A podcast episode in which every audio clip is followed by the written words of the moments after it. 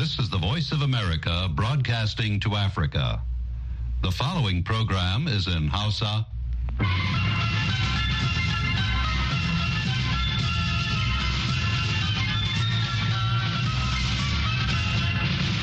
Sashen Hausa na murya Amurka ke magana daga nan birnin Washington DC. Masu sauraro Assalamu alaikum barkanmu da wannan lokaci. Muhammad Hafiz Baballa ne tare da sauran abokan aiki muke farin cikin gabatar muku da wannan shirin da wannan safiya ta Asabar. Bayan labaran duniya za mu kawo muku shirin a bari ya huce, amma kafin nan sai a gyara zama saurari labaran duniya. Jama'a Assalamu alaikum barkanmu da safiya da fatan an waye gari lafiya ga kuma cikakkun labaran duniyar mai karantawa Murtala Faruk Sanyin na. Amurka ta soma kai hare-hare ta sama a yankin gabas ta tsakiya domin mai da martani kan wani mummunan harin da jiragen yaƙi maras matuƙi suka kai kan wani sansanin sojan Amurka da ke Jordan a ranar Lahadin da ta gabata. rundunar sojin amurka ta ce a jiya juma'a dakarunta sun kai hare-hare ta sama a ƙasashen iraki da siriya kan dakarun kurs na iran da kuma wasu ƙungiyoyin mayaƙan sa kai masu alaka da su dakarun na amurka suka ce sun kai hari kan wurare sama da 85 da jiragen sama da dama da suka hada da masu jefa bam da nisan zango da suka tashi daga amurka. Mun kai hari a daidai inda muka nufa in ji laftanar janar douglas sims wanda ke aiki a matsayin daraktan ayyuka na manyan hafsoshin sojan amurka. Ya bayyana cewa an kai harin ta sama ne cikin mintuna talatin kuma ya ce uku daga cikin wuraren da aka kai harin suna cikin iraki ne yayin da huɗu kuma suke a cikin siriya. An sanar da ƙasar iraki kafin kai harin amma ba a sanar da iran ba a cewar jami'an amurka shugaban amurka joe biden ya ce an kai hare-hare ne bisa umarninsa sa'o'i kaɗan kafin mai da martanin na sojan amurka shugaban iran ibrahim ra'isi ya sake jaddada alkawarin da ya yi tun farko na yiwuwar yin ramuwar gayya ga duk wani harin da amurka ke kaiwa kan muradunta. wani sabon binciken jin ra'ayoyin jama'a na matasa masu kada ƙuri'a a pakistan ya nuna cewa mafi rinjayen jama'a na hasashen za a gudanar da zafukan ƙasar ne bisa gaskiya da adalci a mako mai zuwa duk da cewa an ɗaure ɗaya daga cikin 'yan takarar da ke kan gaba a gidan yari kuma hukumar kare hakkin bil'adama mai zaman kanta ta ƙasar ta ce akwai ƙarancin damar samun zaɓe cikin 'yanci da adalci. binciken matasa da muryar amurka ta shirya wanda kuma hukumar zaɓe ta ƙasa da ƙasar ta ipsos ta gudanar yayin nazari ne kan yadda ake gudanar da zaɓe da amincewa da hukumomi da kuma zaɓen manufofin ƙasashen waje na masu kada ƙuri'a masu shekaru 18 zuwa 34 sama da matasa miliyan hamsin da shida da dubu ɗari takwas ne suka cancanci kada ƙuri'a a ranar takwas ga watan fabrairu. A cikin watannin da suka gabaci zaɓen wata babbar jam'iyyar siyasa ta tahrik insaf ta pakistan ƙarƙashin jagorancin tsohon prime minister imran khan ta fuskanci hare-haren da sojoji ke marawa baya daukacin faɗin ƙasar tare da tsare ɗaruruwan ma'aikata da sace su da kuma tilastawa mutane barin jam'iyya ko kuma siyasa baki ɗaya. labaran na zuwa muku ne daga nan sashen hausa na muryar amurka a washington dc sojojin ruwan ƙasar china sun fara rake da jiragen ruwan dakon kaya na ƙasar a cikin tekun bahar maliya kamar yadda wani kamfanin sufurin jiragen ruwa da kafofin yada labaran ƙasar china suka ruwaito wannan da yana zuwa ne yayin da kamfanoni da dama na jiragen ruwan jigilar kayayyaki suka yanke shawarar kaucewa muhimmiyar hanyar ta kasuwanci ta duniya saboda hare-haren 'yan tawayen huti tun a watan nuwamba mayaƙan huti da ke samun goyon bayan iran suka kaddamar da hare-haren jiragen sama maras matuka da makamai kan jiragen ruwan da ke ratsa tekun bahar maliya. Matakin da suka ce yana bayyana goyon bayan ƙungiyar hamas ta palestinu a yaƙin da take yi da isra'ila. Wani kawance da amurka ke jagoranta ya mai da martanin hare-haren makami kan mayaƙan huti wanda ke samun goyon bayan rundunar haɗin gwiwa daga bahrain da birtaniya da canada da faransa da holland da italiya da norway da seychelles da kuma spain. Amma kawo yanzu ba su hana kai hari kan jiragen ruwa ba. Gwamnatin ukraine ta sanar da fadar shugaban amurka ta white house cewa tana shirin korar babban kwamandan sojin ƙasar da ke kula da yaƙin da ake yi da sojojin mamaya na rasha. Kamar yadda wasu majiyoyi biyu da ke da masaniya suka bayyana a jiya juma'a. Yunkurin korar janar valeri zalunzi wanda ya sami saɓani da shugaban ƙasar Vladimir Zelensky kan dabarun soji da sauran batutuwa ya biyo ne bayan farmakin da Ukraine din ta kai a bara wanda ya kasa samun nasarar kwato wani yanki mai tarin yawa da ke hannun rasha. Wata majiya da ke kusa da ofishin zelensky ta ce shugabannin sun kuma sami rashin jituwa kan wani sabon yunkuri na tura sojoji inda shugaban ƙasar ya nuna adawa da shawarar zalunzi na ɗaukar sabbin sojoji dubu ɗari biyar sai dai kuma majiyar ta kara da cewa an dakatar da tsarin sallamar zalunzi daga mukaminsa na babban kwamandan sojin ƙasar ta ukraine a halin yanzu yayin da jami'ai suke tunanin wanda zai maye gurbinsa.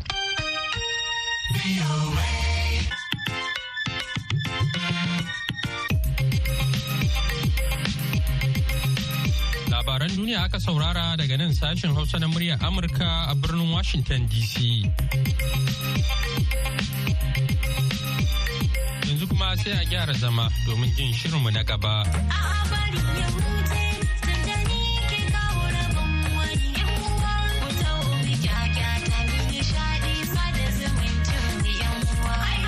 Saurari Assalamu alaikum barkamu da asuba barkamu kuma da sake saduwa da ku a wani sabon shirin a bari ya huce. Wanda masu iya magana kan ce shi ke kawo da rabon wani.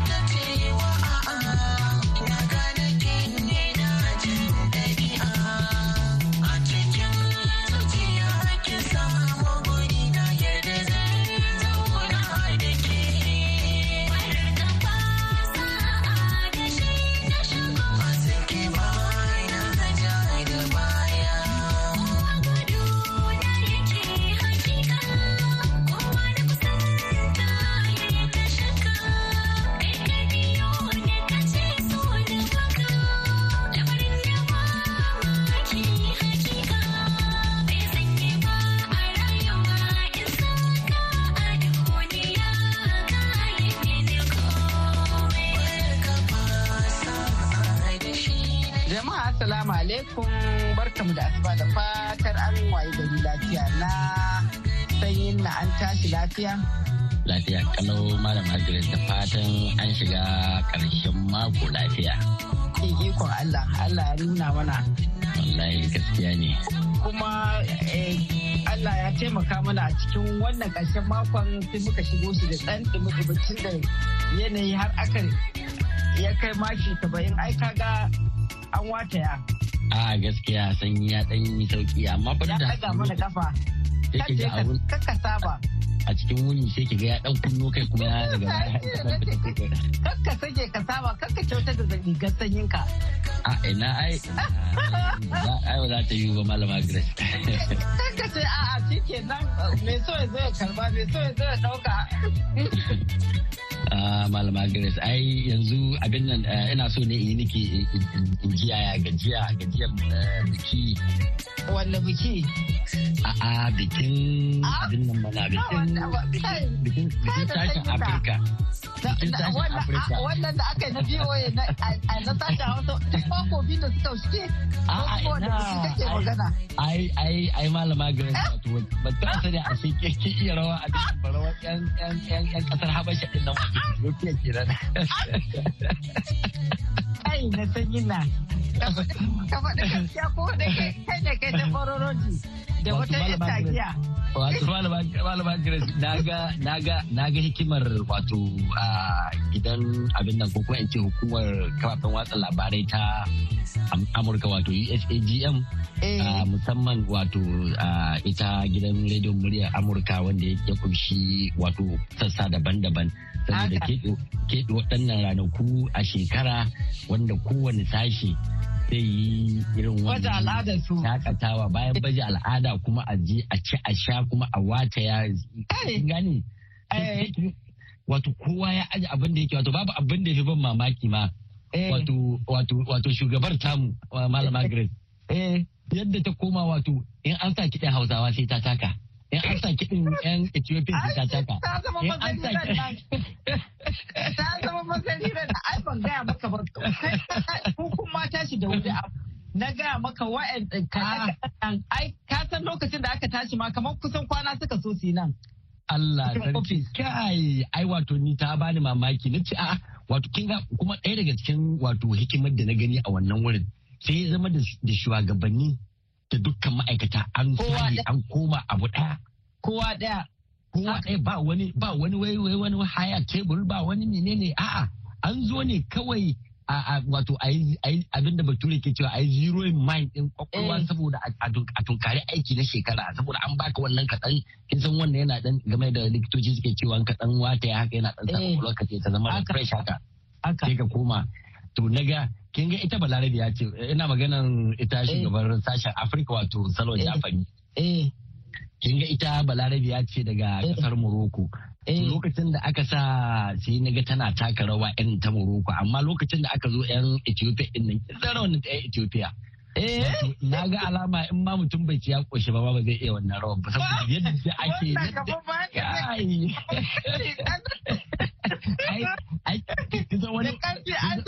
ka ci ka koshi tukun kai wannan rawa. A ina kika sani ma wanda ya fi bani mamaki ma ba kamar Des in gaya miki. Des wai shugaban masu kula mana da sauti kin san shi da shugaban eh, masu eh. shiryawa producers namu.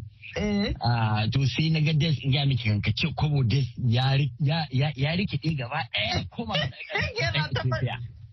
yana ta wannan zazzaga jiki ki na ce a ashe kai lalura da duk yadda ka ga mutum da ka ƙyale shi baka san abin da ke nan ba sai wata dama ta samu ai ai kowa ranar kowa ya fito ka kala shi.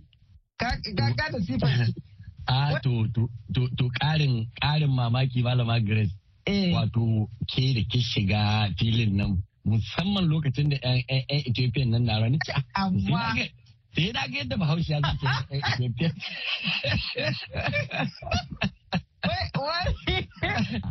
amma a kan mun ji daɗi. Sannan na ci abinci kala-kala. Na ci abincin ƙasar na je kowace ƙasa. A haba na je kowace ƙasa ina cikin wannan gini. Sannan ga al'adun mutane. Ai shi yasa kin ga ni ma ban yi ƙasa a gwiwa wurin bayyana tamu al'ada ta ɗiyan fulani. Ai haka ne. Wanda ga wanda bai riga ya ga abin da muke magana ba za a iya sake komawa shafukanmu na sada zumunta ko a facebook ko a hmm. twitter ko a youtube duk za a ga wa'annan kuma ina kyautata zaton cewa ko a taska ma za su yi labarin na da yake abu namu. Kwarai ku ba gani a faɗe mu ba? Eh. Irin rumfar sashen hausa ita ma ta eh. burge ni malama Grace irin yadda aka dora eh, wasu kalangai da wasu abin nan korai eh, kwaryaye da wani shantu da kuma tutocin Najeriya, Kamaru, Nijar da chadi da ghana. Ke gane ko ake da kowa dai sai da ya bayyana irin kamar da yadda ake a kasuwar bashi koli zaki ga ko wace jiha in ta kasa ce yawa ko wace jiha sai kiga ta abin nan ta tallata abubuwan da take da shi. To kamar wannan abu ne wato wannan bikin ya ƙunshi abubuwa da yawa. Kuma ni dai gaskiya na ji daɗin shi kuma na koyi abubuwa da dama a lokacin wannan bikin. Al'adun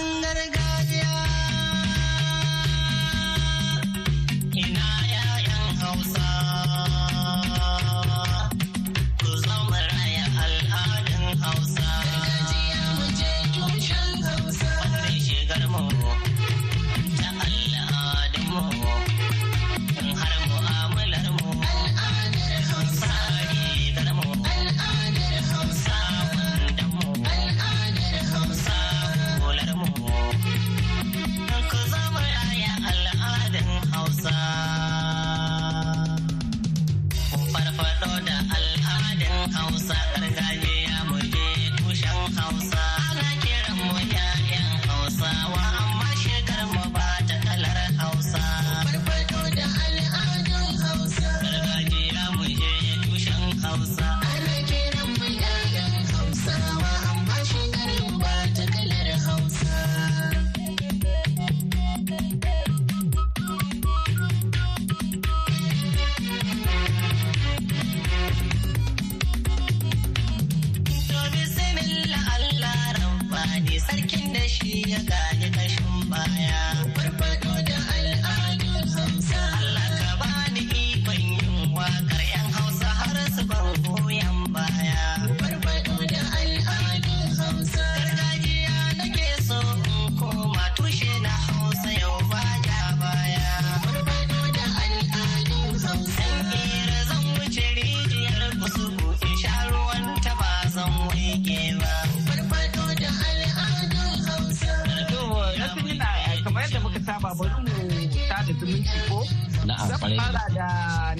Gaisuwa fata alheri da ce murna da iyalan Reverend Samuel Bangai wanda zai aure da yarsa. Kafin nan za a yi bikin sallamata a yau din asabar da wadda ta kasance ranar zaɓe yana ƙara tunewa ya ce ya ce election day haka yake a zaɓe a jihohi 26 ba inda ake zaɓen cikin gundi za a ce ko. Eh. To za a yi bikin sallaman nata ne a jami'ar kotun LCC Danwai da ke kan hanyar Mantok gana wuri da ƙarfe ɗaya na rana. To Allah ya ba da kifar zuwa Allah ya sa an yi a dace. Allah kuma ya ba da zaman lafiya da albarkar zaman tare.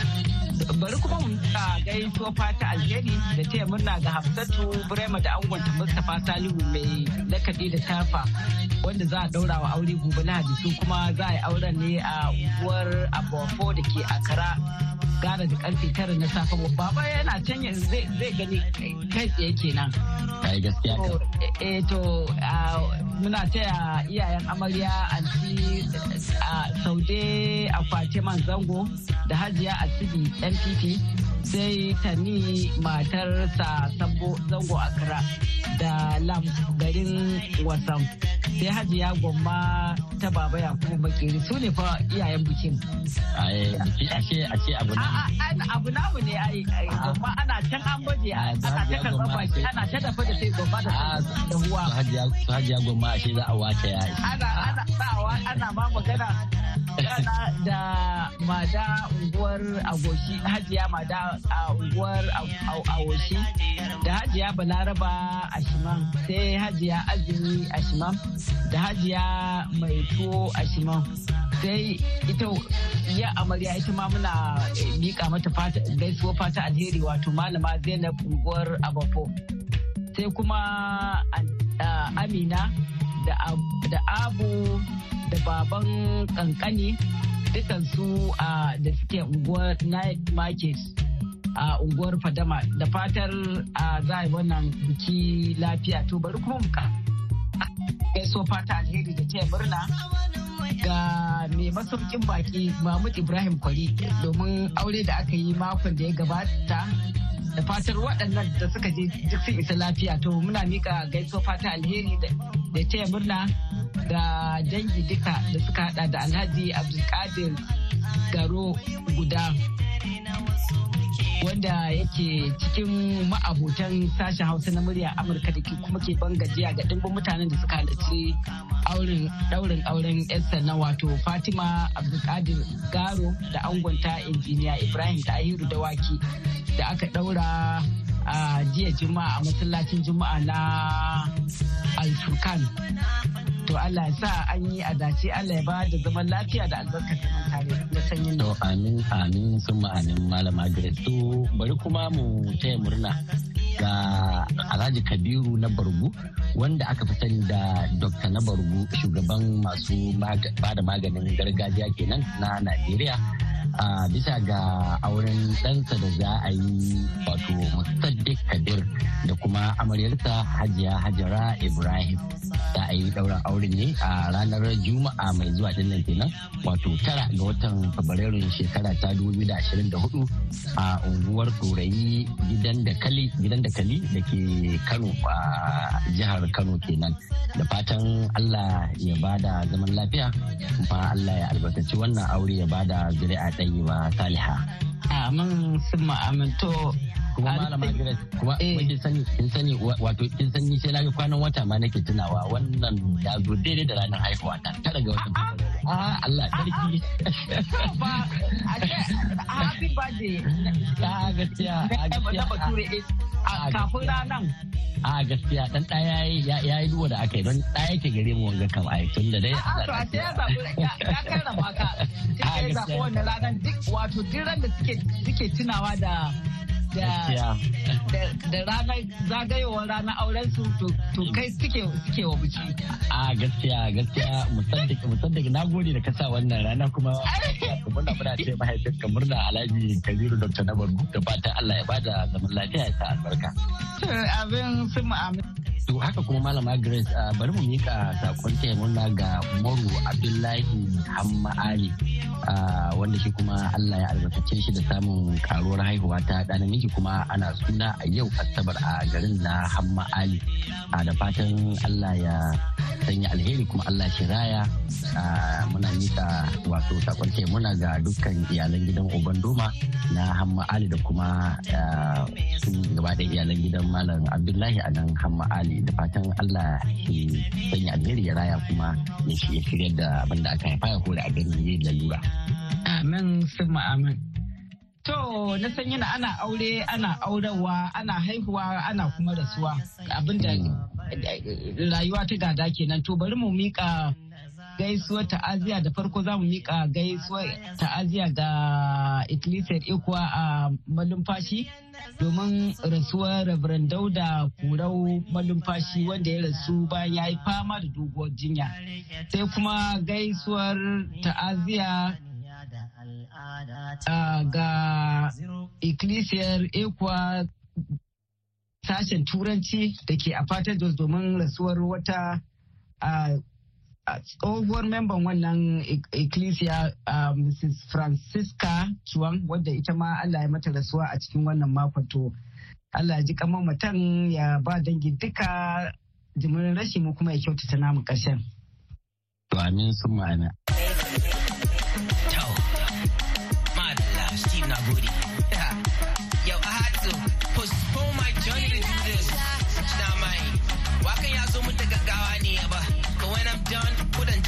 zai fi su mun kawo. Cause I'm gon' kill it.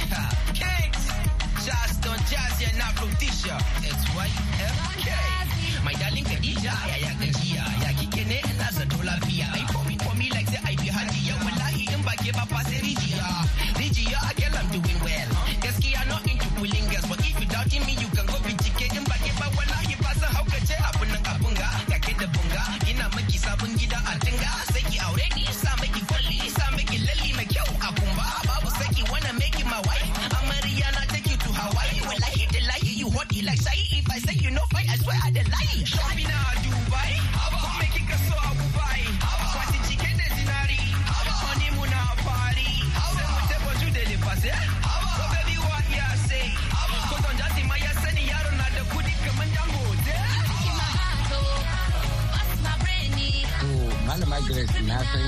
yau ba za ki rasa yau masu sauraron wani guzurin wani labari ba don haka ya kamata ku ji wannan labarin. To madalla tun da ka bani ka bani gari. Na baki gari yau. To na san yana yau labarin da zan baka labarin ne na wani dan gari ko. A'a kuma dai. Labarin ne na wani dan garin ku. Amma dai ba guduri ne, ba guduri ne na da sani. Ina san ba guduri ne. Ai kai ba ka sani, ka san ko wani ne. Ba guduri ne. Ne limami ne ba fulashi ne na sanyin na.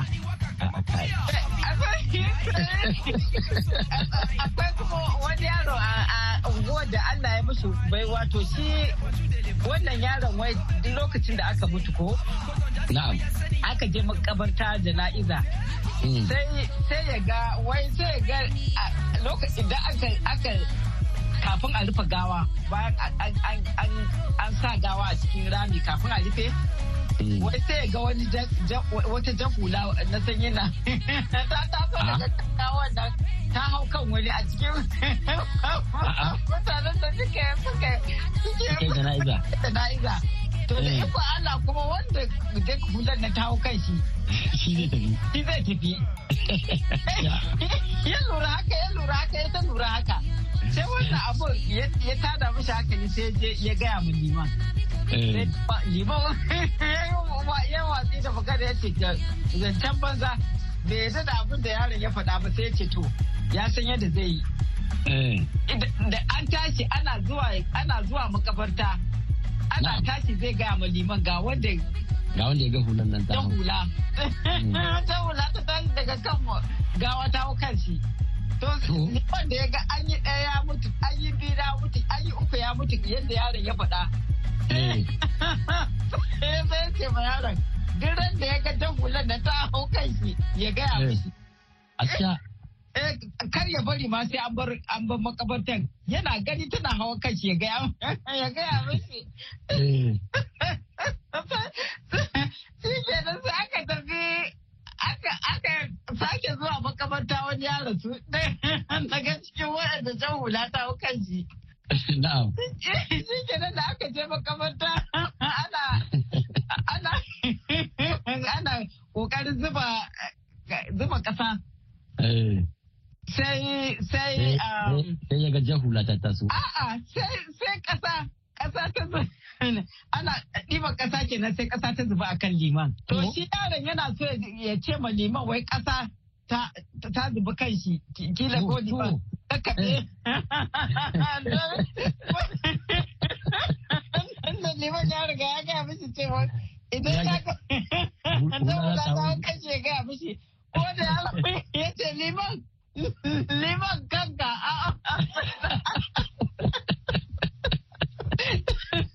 Liman ta ya zata hular ce ba ban san ba liman ta yake, jan hula ce ta hau kashi, sai liman ya arce ba ya hau gudu.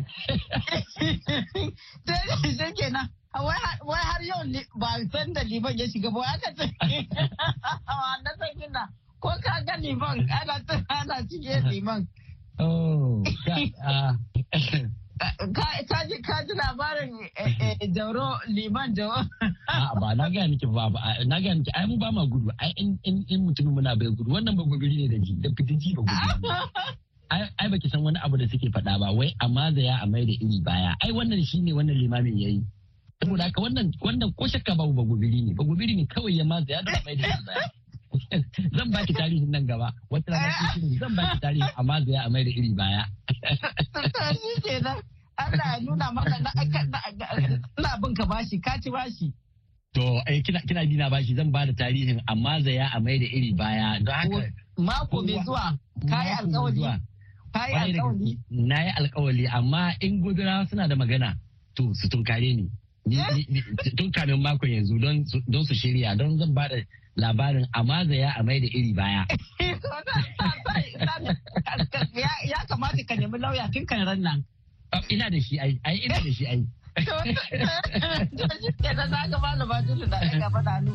Sabili da aka tilas mu ja birki da yanzu a madadin Murtala Faruk Sanyin na. alheri ke muku fata alheri da kuma fata Allah ba mu lafiya da zaman lafiya da abin da lafiya za ta ci da alheri.